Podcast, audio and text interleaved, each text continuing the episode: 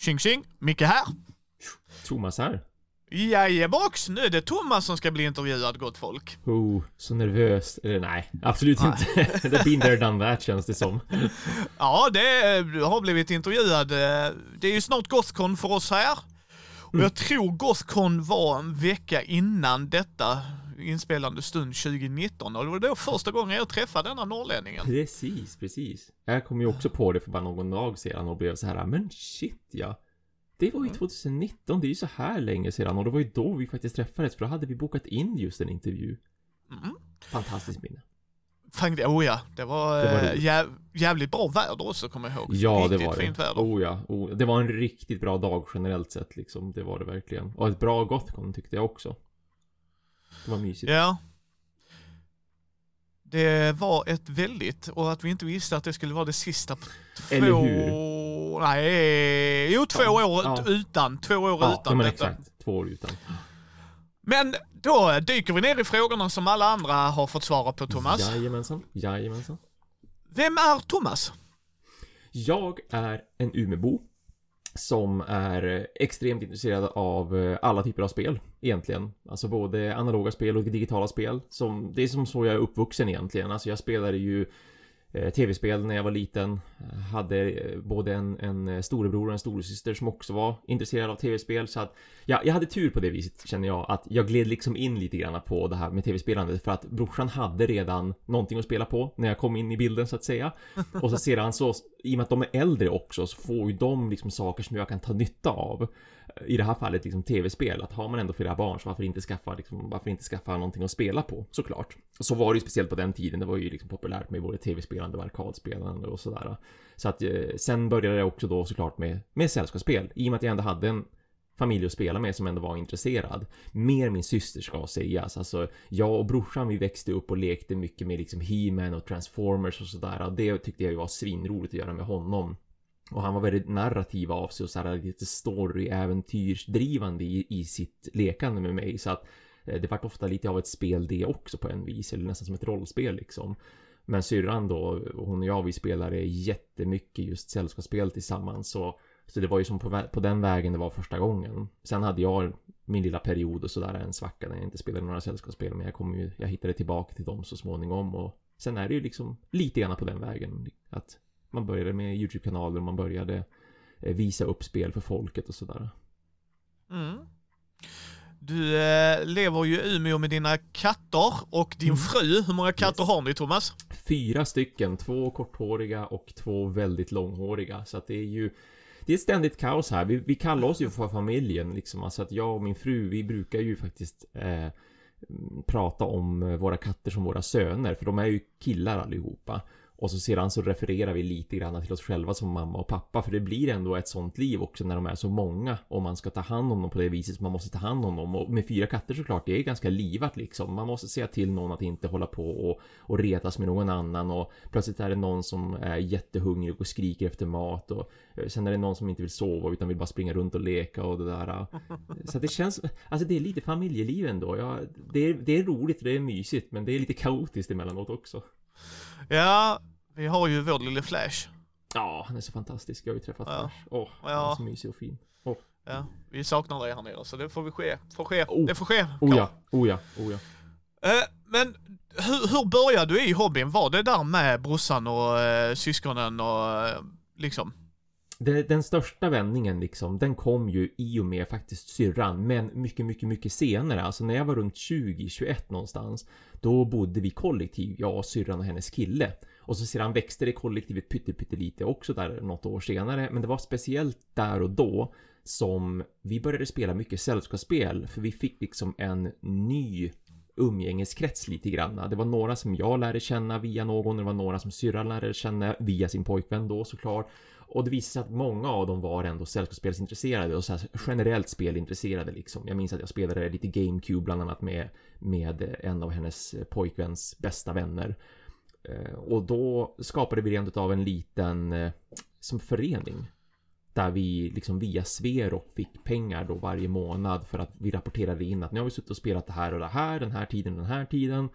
Och så ser han att vi bara köpte mer och mer spel för de pengarna och satt och testade allt möjligt nytt. Så det var framförallt då som det började växa på riktigt, för det var ju då vi tillsammans liksom började upptäcka Carcassonne, Catan, Ticket to Ride, alltså det var ju verkligen på den vägen de här första klassiska spelen på den tiden speciellt och än idag också. Och sen börja utforska, men vad finns det mera för så här Ameritrash-spel? Vi spelade ju liksom allt möjligt, men Ameritrash blev ändå, tycker jag, lite mer och mer vanligt också att vi, vi föll väldigt mycket på tema helt enkelt och tyckte att det var coola grejer liksom. Och ändå har han gjort sig av med Outer Rim och har valt att behålla Empire vs Rebellion. Det ska snart repareras mycket. Vi, vi, vi, jag hoppas ju tro på den här Outer Rim expansionen och då, då är jag faktiskt, jag har bokat den på, uh, på mitt jobb. Det har jag faktiskt gjort så sent som idag. För jag tror ju väldigt mycket på den och då kan jag nog vilja ha det spelet i min samling i alla fall. Men du spelar ju brädspel, för det är ju det du egentligen gör. Det är ju så vi har kommit i kontakt. Du gör ju Konrad Dag och recensera. Mm. Uh, du har ju sju helvetes massa video uppe redan. Mm. Uh, men, men, och du spelar, du, du gör fortfarande videos. Man, ja, frukt, frukta inte gott, gott folk, utan det är bara det som du har sagt många gånger innan, att du mm. trappar ner lite på det. Utan mm. när du känner nu, nu, detta vill jag, uh, eller en Kickstarter-grej eller vad det nu ja, än må vara, så dyker du upp. Eh, så du är ju fortfarande. Men, jag vet att du spelar bägge genrer och det här är stor bränsel. Men vad är, vad föredrar Thomas mest? Eurogames eller Ameritrash? Ja, jag var absolut att jag skulle ha sagt eh, Ameritrash förr i tiden. Eh, alltså för tio år sedan som sagt då runt när jag började med kanalen i synnerhet och även för 20 år sedan eh, så, så var det lite mer Ameritrash egentligen. Jag har börjat gå mer och mer mot Eurohållet. Sen har vi ju också det lite flaxet och lite lyxen idag att det finns ju mycket som blandar såklart. Alltså att ja. det, kan, det kan vara ett väldigt, väldigt flashigt spel och det kan se väldigt häftigt ut och liksom vara mycket i 3D så att säga. Eh, att det är mycket som poppar upp från spelplanen och sådär. Men att det fortfarande har en väldigt djup, mera euromekanik till sig. Väldigt lite slump och väldigt mycket liksom gör det här så får du det resultatet och då kan du göra det här efter det i sådana fall. Så man kan väldigt enkelt långsiktigt planera. Så att jag skulle nog ändå säga det i slutändan att jag tittar mycket mera på eh, smart, intressant spelmekanik idag än vad jag tittar på att det ska vara flashigt och sådär. För det är fortfarande många spel som jag absolut kan tycka ser häftiga ut till en början.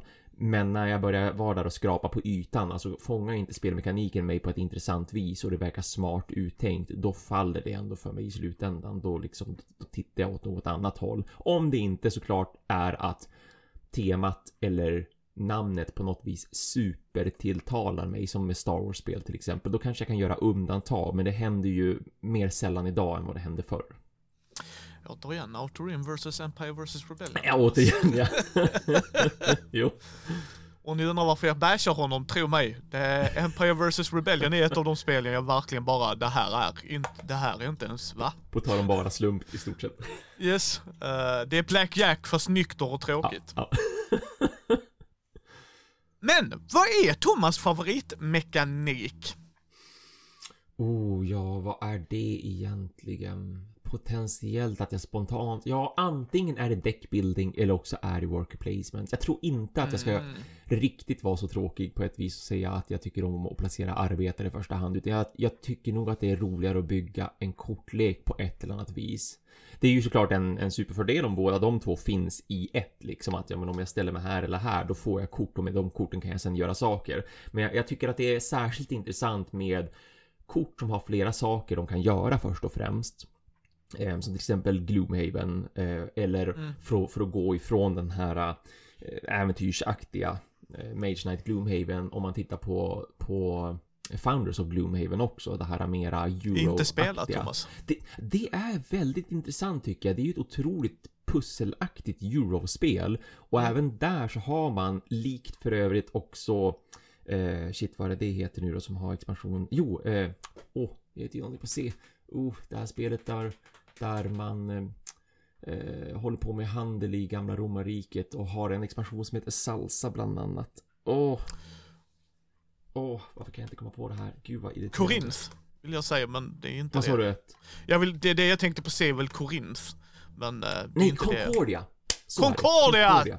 Concordia, det här med att man har spelkort, spelkort som kan användas på olika sätt och så speciellt att lägger du ner olika spelkort så blir du ju som av med handlingar. I vilken ordning ska du i sådana fall göra de här handlingarna? Det tycker jag också eh, görs väldigt intressant i det här Civilization A New Dawn, det senaste Civilization-spelet som Fantasy Flight Games producerades, som är ett ganska väldigt hårdkomprimerat Civilization-spel. Men även där liksom att det är spelkort, du kan uppgradera spelkorten och beroende på när du använder ett spelkort så får det en starkare eller svagare effekt. Så alltså spel, spelkort generellt sett är jag väldigt svag för och det kommer nog också faktiskt från mitt gamla intresse för samlarkortspel och så här kortspel som man byter mm. kort mellan varandra. För det, det kommer nog aldrig att liksom falla ur mig. Även om inte jag spelar aktivt ett CCG eller TCG idag så, så finns intresset verkligen, verkligen kvar där. Jag tror att det är därifrån det kommer det här med att jag gillar kortleksbyggande.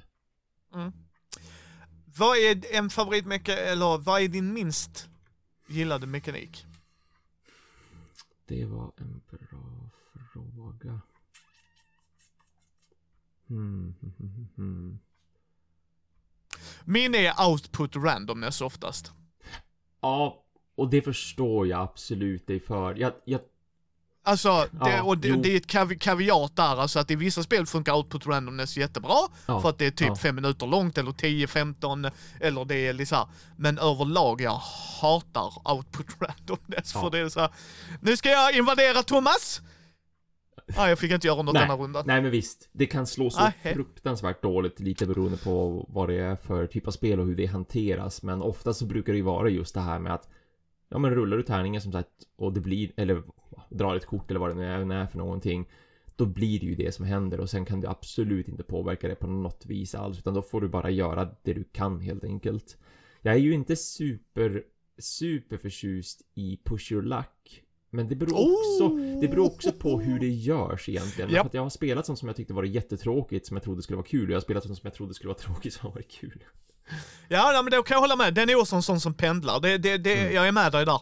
Vissa av dem, fantastiskt bra. Ja, ja. Inken Gold, sjukt bra pusher luck. För mm. det går snabbt, det är enkelt, mm. det är lite mm. småroligt, busigt. Du vet såhär, nej Thomas, jag, jag går längre in, går du längre in med att man darar varandra ja, lite så här, exakt, exakt. Liksom, och sen är det andra som bara, det här är bara tråkigt. Ja, alltså, ja, uh, jag kommer ihåg vi spelade något sånt Gothcon många, många herrans år sedan Thomas. Mm. Då mm. spelade vi, någon, någon hade gjort print and play-versioner av japanska spel. Så det var i det japanska rummet och då var det rätt, jag vet aldrig, det påminner lite om Clank nu skulle jag säga. Men då var det att man gick ner en bunt äventyrare i grottan och så skulle du så nära draken som möjligt gå. Mm -hmm. uh, och så skulle du lota så mycket som möjligt, men när draken började vakna till liv så skulle du springa ut fortare än fan. Okay. Och det gällde då kuba, kuba, kuba, kuba. Ja. Men uh, spelgruppen jag var med, vi, vi jävlades ju med varandra så ingen kom levande ur grottan förutom han som höll i rummet. Och han mm. frågade direkt alla, känner ni varandra? Ja, japp. vi ville ha krokben på varandra hela tiden. Bara Thomas, nu ska du... För det hade så här antal steg du skulle gå beroende på hur mycket vikt du hade. Men Thomas, ja. du ska ju ha en guldstaty. Det är klart du ska ha. Här har du den. Ja, ja. Nej, så det var bra. Uh, vad är ditt favoritbrädspel just nu? Ja. Space Car, säger det, du något annat? Eller ja, är det Twilight? Precis. Alltså det, ja, exakt. Eh, jag menar, det jag alltid tänker på är ju såklart när jag ska få till nästa Twilight Imperium. Men, men det jag egentligen tänker på lika ofta när jag ska få till ett sånt parti, det är ju faktiskt Space Corp. Det är det ju. Det är så sent som, hör och häpna, så är det ändå så sent som idag. För idag är jag ledig därför att jag ska jobba Eh, jag ska jobba helg när vi sitter och spelar in det här så är det en fredag. Så att jag är ledig idag. Och de här gångerna, de här fredagarna när jag liksom får en hel dag Då tänker jag såklart så här, men vad ska jag spela för brädspel? Någonting som jag kan tycka kan vara lite kul att spela solo, så här sitta och plocka poäng och försöka bli bättre på att tänka bra och försöka göra bra drag och sådär. Um, och Space Corp har flugit förbi mig idag, alltså i tankarna att så här, hmm, undrar om jag skulle sätta upp ett snabbt parti av Space Corp. Även om det inte blir ett snabbt parti, för förmodligen så kommer det att ta flera, flera timmar därför att jag bara kan som inte sluta spela det och jag tycker det är så himla mysigt och roligt. Så egentligen är det ju det. Just nu är det det. Eh, annars det jag tänker på hela tiden, men jag kan inte säga att det är liksom det bästa spelet just nu därför att jag inte har fått det ännu. Eh, det är ju det som jag har suttit och väntat på i, i en evighet nu känns det som och det är Stars of Acarius. Ja. Eh, Det här science fiction-äventyret med man har en besättning och man ska göra både strider i rymden och man ska göra strider på planeter och utforska och det ska vara en stor story och liksom lägga sig tänket och hela det här. Nu är den äntligen på väg. Nu kan jag, jag sitter ju faktiskt och spårar vars fartyget med mitt Stars of Aquarius är. För att han har faktiskt varit så snäll, han som har gjort spelet och startat den här kickstarten, Brandon tror jag han heter, eh, att nu när spelet äntligen är färdigt, liksom det är tryckt och det finns på båtar och båtarna ska vara till sina destinationer så de kan börja skicka spelet till alla som har backat det.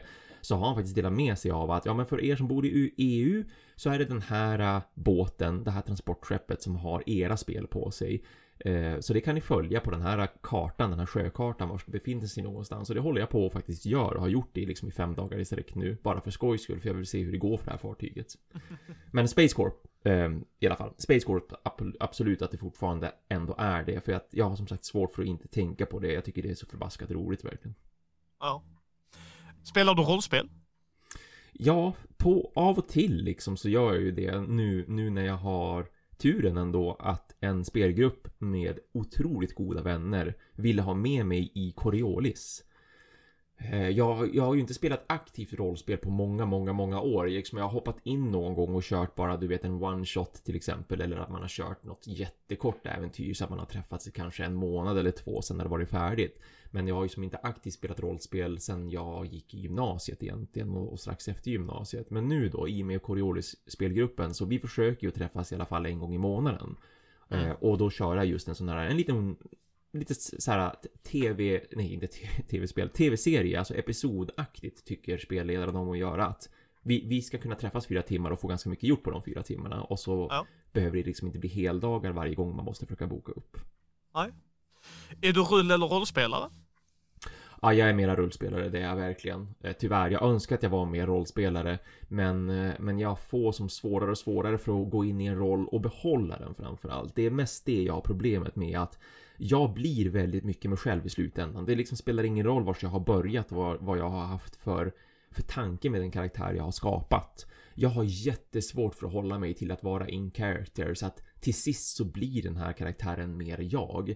Alltså ska han ändå vara så här superallvarlig och kanske vara eh, väldigt mm, kall av sig och sådär. Det är ju liksom inte jag. Det är sällan jag är superallvarlig. Jag har svårt för att vara kall mot andra. Liksom jag har väldigt lätt för att skratta och, och för att prata och sådär. Och vara lite oseriös för att jag tycker att det är, man kan ja, tillföra lite humor och sådär. Så att i slutändan så blir det vad karaktären jag försöker rollspela är. Så det känns lite synd liksom att jag inte kan hålla, hålla masken på det viset så att säga. Men jag tycker ju att det är kul fortfarande med spelmekaniken då och eh, med vad som händer i äventyret. Vad är din favoritmekanik i rollspel? Hmm. Ja, nu har jag inte fått smaka på så mycket egentligen ska ju sägas. Men jag tycker, ja, nu håller jag på att säga, jag tycker om när man har mycket frihet, men det har man ju egentligen i alla rollspel, det spelar väl ingen roll. Men jag är fortfarande, om man ska säga när jag, sånt som jag varit imponerad av så är det ju till exempel ur varselklotet. Mm. Och nu kanske det är en sån här fria ligan-grej, det är jag lite osäker på, men jag tyckte det var så himla intressant där hur man kunde hjälpa varandra och att man hade något så här specialföremål som var så här, det här är det du är riktigt bra med, det här är ditt käraste föremål och liksom när du har det så är du nästan oövervinnlig, liksom, då kan du, du kan trixa med det så här, har du en hockeyklubba till exempel Mm. eh, så kan du göra väldigt mycket med den ho- hockeyklubban som inte annat, andra personer skulle ha kunnat klara av med den vad gäller att så här, ja men slå till någon på ett bra vis eller bara eh, få tag på någonting som ligger jättelångt bort men du kan lyckas få tag på det med din hockeyklubba för att du är så duktig med liksom att, att trixa med den när du spelar hockey.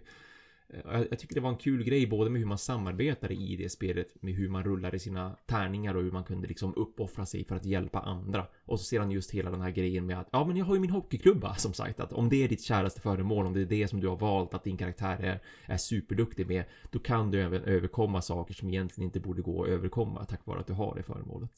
Mm. Ja, jag kan hålla med dig om det är en liten fria ligan-grej.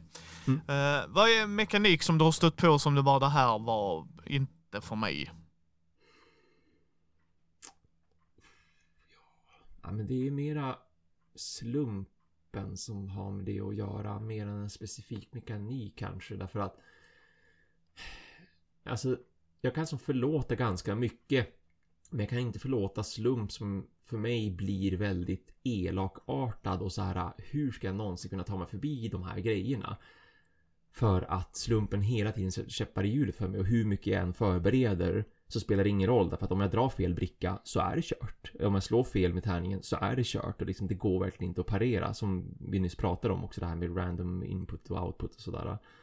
Eh, för jag har ju varit med om någon enstaka gång i brädspelande och i mitt just recenserande. Till exempel Dawn of the Seds är ju en av de här spelen som jag faktiskt småsågat på, på min YouTube-kanal och det händer ju väldigt sällan. Och samma sak med Fallout the Board Game också som jag också småsågade lite grann. Och den största anledningen till varför jag var så arg på de två spelen det var ju just slumpen som jag tyckte förstörde alltihopa. Att här försöker man liksom att bygga upp sig för att ta sig an någonting, ett hot. Men i slutändan så, så spelar det ingen roll därför att plötsligt så drog jag den här felaktiga brickan som gör att jag verkligen bara dör egentligen. Och det som... Ja, ja, ja, ja. Så det gäller lite så i rollspel också när det blir för mycket slump och... Eh, ja, ja, absolut. Absolut. Ja, ja, ja nej, men det köper jag. Vad är ditt favoritrollspel just nu? Coriolis som jag sitter och spelar. Absolut. Mm. För det är ju, jag, jag, skulle vilja säga troubleshooters bara för att jag älskar ju liksom troubleshooters-temat. Det var ju därför jag backade troubleshooters också. Men, eh, men i och med att jag inte har spelat det så ska jag ju inte egentligen yttra mig så mycket mer om än att jag älskar liksom temat. Sen verkar det vara kul så här spelmekaniskt och det verkar intressant hur man spelar det för jag har ju småtittat lite på det. Men Coriolis är jag väldigt, väldigt förtjust i. Eh, det är ju fortfarande också liksom samma spelsystem egentligen antar jag. Just det här med hur, hur man rullar sexsida tärningar och vad som är... Nej, Nej okej. Okay, det, är, det, är, det är procentsystem.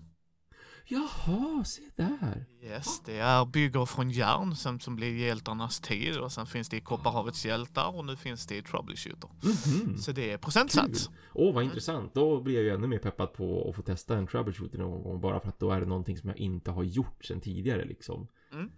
Mm -hmm. ja. Jag gillar det temat och utförandet och allt det där så det ser jag fram emot att spela någon dag. Mm. Men var hittar man dig annars Thomas när du inte hänger med oss i Mindy? Man hittar mig dels på Twitter där jag tweetar emellanåt men oftast retweetar så att egentligen ska man inte kanske följa mig på Twitter om man är intresserad av att se vad jag gör. Instagram finns jag ju också på och det är ju mera det är ju liksom min privata, alltså Insta Twitter kan jag vara ganska mycket mera eh, arbetsinriktad, jag på att säga, på att så här om jag, om jag hittar någonting som verkar intressant för jobbet eller för mitt brädspelande, då kan det bli en tweet i sådana fall om den saken. Men så här på Instagram, där kan jag ju lägga ut allt möjligt jag gör. Det spelar ingen roll om jag sitter och spelar ett brädspel eller om jag sitter och målar någonting eller om jag just har köpt en ny skiva eller ett LP eller vad det nu är för någonting. Eller om det är bilder på mina katter. Så här, bilder på katter till exempel lägger jag aldrig ut på Twitter verkligen. Men på Instagram, där finns jag ju också och där är det liksom mera privat på det viset i sådana fall. Sen finns jag ju på diverse spelforum och Discord-kanaler och sånt där. Alltså Konrad Argo som namn är ju väldigt enkelt såklart att bara googla på och se var det finns någonstans. Men vill man ha kontakt med mig eh, då är det ju framförallt såklart våran Mindy Discord som vi har nu som man ska besöka eller då min Facebookgrupp för att där, där ser jag ju ändå vad som händer och taggar man mig såklart så svarar jag ju på saker där. Eh, mm. men, men vill man bara så här småkolla vad håller jag på med då är det framförallt Instagram för att jag lägger upp så mycket privata grejer där. Men sen som sagt jag finns på Twitter men, men det är som ett annat typ av media för mig. Ja, och sen är det din YouTube-kanal Konrad Dager recenserar. Ja. ja, men precis. Ja, men visst. Som, som du säger, det, det händer ju inte lika mycket där nu. Men det händer saker och det är, det är väldigt mycket Kickstarter-projekt framförallt som jag brukar ta mig an. För det tycker jag alltid är kul när någon sträcker ut en hand och tycker så här att, ja men hej kan inte du eh, ta en kik på det här spelet som jag har gjort och verkar det intressant och spelmekaniskt och tematiskt då säger jag ja och så gör jag gärna en video på det och annars så är det ju sådana här eh, det här brinner jag verkligen för. Eh, det här tycker jag verkar vara ett jättekul spel. Det här vill jag fler ska få reda på och, och, spela, då gör jag ju en video eh, och gör en recension av det i sådana fall. Mm. Uh, vad ser du fram emot att göra hos oss i Mindy? Ja, jag ser fram emot att få spela mer och streama, för det har jag ju bara gjort nu. Nu har jag ju varit med på stream två gånger. Eh, jag och Matti gjorde ju senast en stream igår nu när vi sitter och spelar in det här och det var jätteroligt att få sitta och spela Nemesis i full kopp med honom och visa att så här funkar spelet för Matte har ju ändå varit intresserad av det spelet jättelänge. Och det, ja, det är faktiskt väldigt kul, alltså det är kul att streama överlag. Det har jag även gjort med, med digitala spel. Men för jättelänge sedan och det har också bara hänt någon enstaka gång. men varje gång jag sitter och gör det så kommer jag på mig själv med hur kul det ändå är. Så att jag ska försöka verkligen vara mer delaktig i streamsen och spela just på Tabletop Simulator online liksom och, och vara med på det viset. För dels är det ju kul såklart att spela med folk man inte spelar med annars. Därför att sitter man online kan man ju spela med vem som helst. Var Mm. som helst. Men också den här community-grejen att det, det är liksom kul när vi också för den delen sitter och spelar in Mindy News. Och att vi gör det live och folk kan skriva i våran chatt direkt och säga saker och fråga saker och sådär. Att det är som kul att vara en del av av communityn på det viset. Att man bjuder in andra som tittar att ställa frågor och komma med kommentarer och sådär. Mm. Var, eh, varför gick du med oss i Mindy? Det var ju den här fina gemenskapen. Jag, jag kände ju att eh, i och med att jag ändå också trappade ner med Konrad Dag och recenserar så hade jag ju jag ville ju som fortfarande nå ut till folk. Och det gör man ju som på ett annat vis. Jag hade, jag hade funderat på podcast jättelänge. Eh, Det hade vi flera stycken här i Umeå. Dessutom flera sådana här eh, fanatiker och fantaster som tyckte att man skulle ha producerat någonting lokalt här i Umeå. Och eh, när jag då ändå hade den plötsliga chansen liksom att få vara en del av Mindy så då tyckte jag att då var det ju givet därför att det är kul att få prata om spel och det är så mycket enklare att göra det ändå på det här viset kontra när jag filmar och redigerar en video. Eh, Att redigera ljud är fortfarande ett, ett jättejobb det också, det vet jag mm, sen tidigare när jag haft andra podcastar som jag har varit med och drivit och klippt och sådär. Men eh, det är fortfarande enklare liksom att redigera bara ljud kontra att redigera en, en, en video såklart. Eh, Det är ju som ett annat media att redigera. Så att bara för att nå ut mer helt enkelt så tyckte jag att det var kul att gå med. Mm. Och den avslutande frågan Thomas, varför är denna hobby så underbar? Ja, för att den har så mycket att erbjuda. Framför allt. Alltså, eh, spelen man kan spela. Kortspel, tärningsspel, brädspel, blandning av alltihopa liksom. Det finns så, så mycket intressant mekanik som man kan stöta på och speciellt de senaste tio åren så är det så många gånger jag blivit chockad över vad man lyckas göra i ett sällskapsspel. Alltså vad man lyckas väva in för typ av mekanik och hur man kan överraska spelarna. Bara ta en sån sak som att ett escape room kunde bli en liten låda med spelkort liksom. Och det funkar verkligen och det känns väldigt häftigt det man gör och det känns väldigt så här uh, out of the box vad man gör och man kan verkligen bli överraskad som sagt av hur har designen tänkt med det här spelet, vad man ska göra och hur man ska göra det, vad man gör för att vinna, om det är samarbete eller inte samarbete. Det finns så mycket. Så att det finns ju absolut ett spel för alla, säger jag alltid. Att vi, gräver man bara lite, då kan man definitivt hitta någonting som tilltalar en. Ja, jag håller helt med. Jag håller helt med. Ni eh, hittar alla länkar i shownotesen. Ni hittar också alla länkar på Thomas Flik på vår hemsida och i vår Discord-kanal. Så vill man kontakta Thomas kan man göra det thomas.mindy.nu också. Han har en Mm. egen Mindy-mail. Mm. Eh, Men, eh, ja, ni kommer att höra Thomas mer i podden, så är det. Han dyker upp lite varstans, han är Ja. liten ninja där. Han bara, så, så, kommer han in. Japp. Skriker någonting på japanska. ja, för du kan japanska också. ja, ja. Mushi mushi! Moshi moshi. Bra, där ja. Det är typ det enda jag kan, eller domo och arigato. Så, Ja. ehm, Ja men det är bra. Det är, det är bra. Det är bra grejer att kunna verkligen. Både tacka först och säga hej, det är jättebra. yes.